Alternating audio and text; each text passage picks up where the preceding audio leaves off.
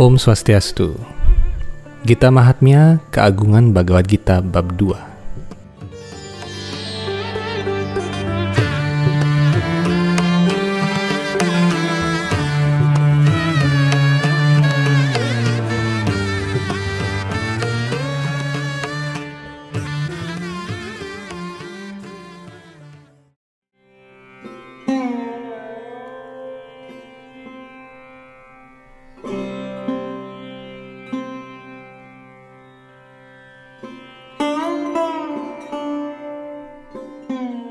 Sri Wisnu berkata, Laksmi yang kucintai, engkau telah mendengar dariku keagungan bab satu Bhagavad Gita.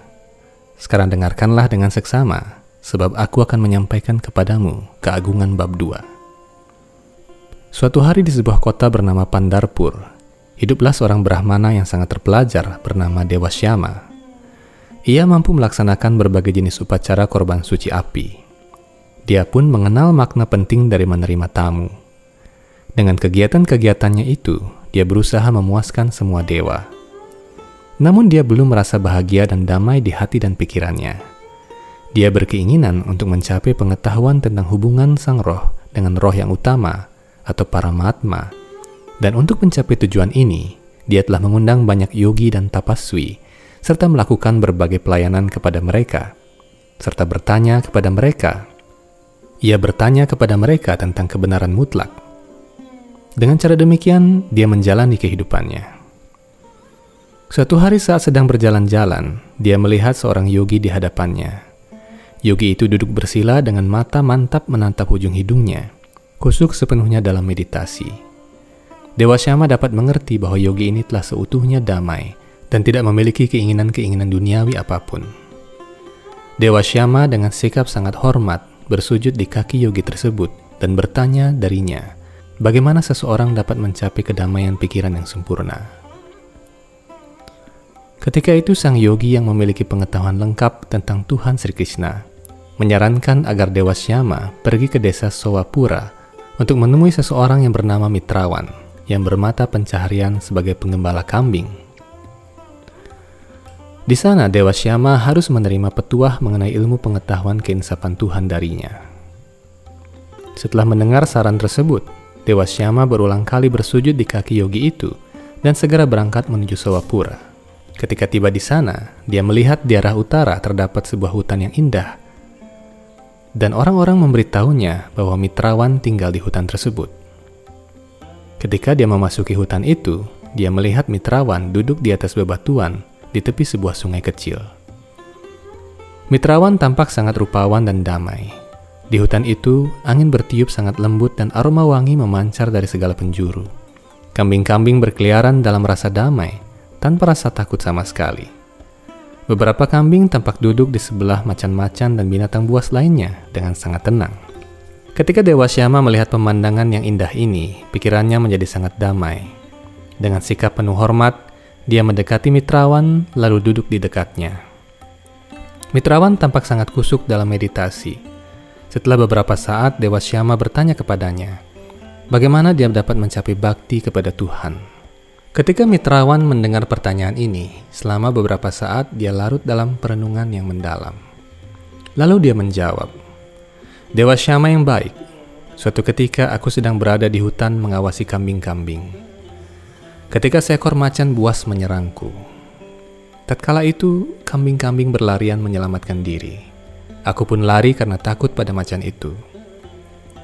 Dari jarak tertentu, aku menoleh ke belakang dan melihat macan itu di tepi sungai menghadang salah satu kambing milikku.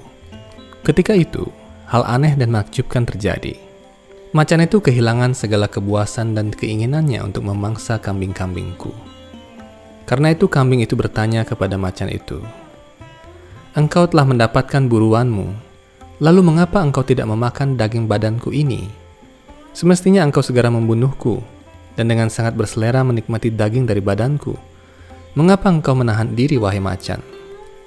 Macan itu lalu menjawab, Wahai kambing yang baik, begitu sampai di tempat ini, segala kemarahan telah meninggalkan diriku, dan aku tidak merasa lapar maupun haus. Kambing itu berkata, Aku juga tidak tahu mengapa aku bisa merasa tidak takut sama sekali dan aku merasa nyaman berada di dekatmu. Apa penyebab semua ini? Jika engkau mengetahuinya, maka berkenanlah menyampaikannya kepadaku. Macan itu menjawab, Aku pun tak tahu. Mari kita tanyakan kepada orang itu. Ketika melihat perubahan terjadi dalam hal perilaku macan dan kambing itu, aku merasa sangat heran. Ketika itu, mereka berdua mendatangi diriku dan menanyakan penyebab semua itu. Aku memperhatikan bahwa ada seekor kera sedang duduk di cabang sebatang pohon di dekat sana. Aku pergi bersama kedua binatang itu untuk bertanya kepada raja kera itu. Kera itu lalu menjawab pertanyaan kami dengan sikap penuh hormat. Dengarlah, aku akan menceritakan kepada kalian sebuah kisah yang sangat tua. Di hutan itu, tepat di hadapan kalian, terdapat sebuah kuil yang sangat luas tempat Dewa Brahma menstanakan sebuah siwalingga. Dahulu kala, seorang resi terpelajar bernama Sukama yang telah menjalani banyak pertapaan tinggal di sana. Setiap hari dia memetik bunga dari hutan dan air dari sungai itu, lalu memuja Dewa Siwa dengan kusuk. Dengan cara demikian dia tinggal di sana selama bertahun-tahun, sampai kemudian seorang resi tiba di tempat itu. Ketika itu Sukama menghidangkan buah-buahan dan air untuk resi tersebut.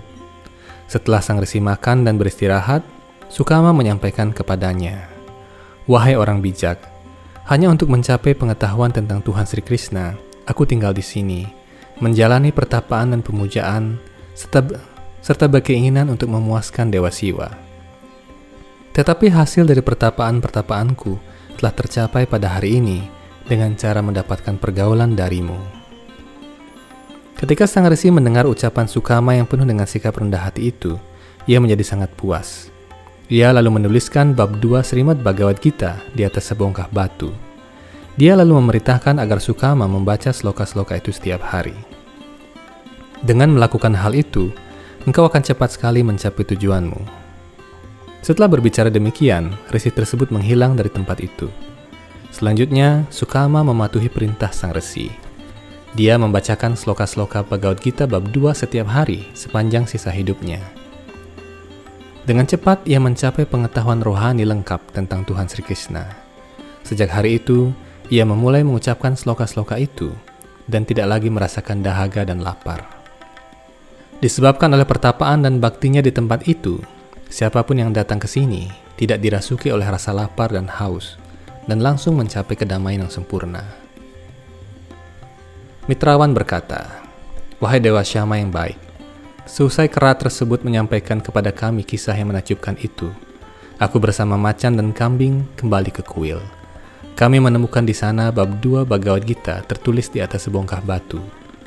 Lalu aku pun mulai mengucapkan sloka-sloka itu setiap hari. Dengan cara demikian, kami dapat dengan cepat sekali mencapai rasa bakti kepada Tuhan Sri Krishna.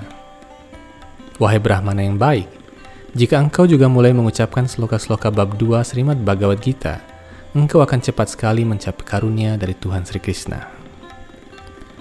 Sri Wisnu berkata, Laksmi yang kucintai. Dengan cara demikianlah Dewa Syama memperoleh pengetahuan dari Mitrawan, dan setelah mempersembahkan pemujaan pada insan agung itu, dia kembali ke Pandapura dan setiap hari mengucapkan bab 2 Bhagavad Gita. Siapa pun yang mengunjungi Pandarpura Dewa Syama pertama-tama akan membacakan di hadapannya bab 2 Bhagavad Gita.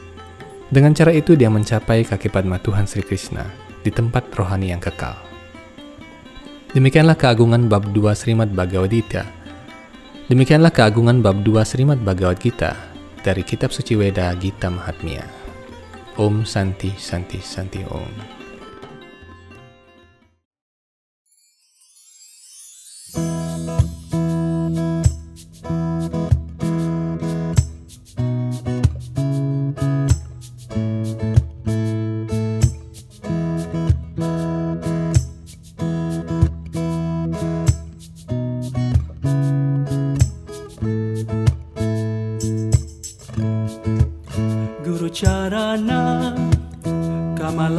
Jaman. Guru Charana Kamalaba Jaman. Guru Charana Kamalaba Jaman. Guru Charana Kamalaba Jaman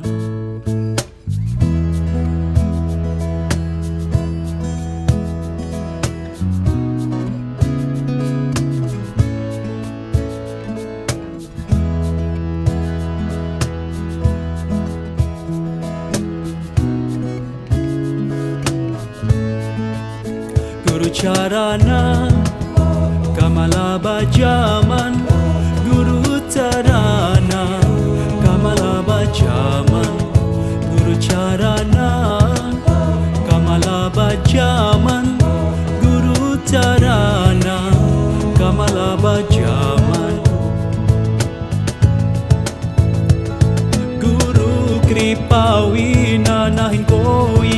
isa danaba Bajaman bajaan uksan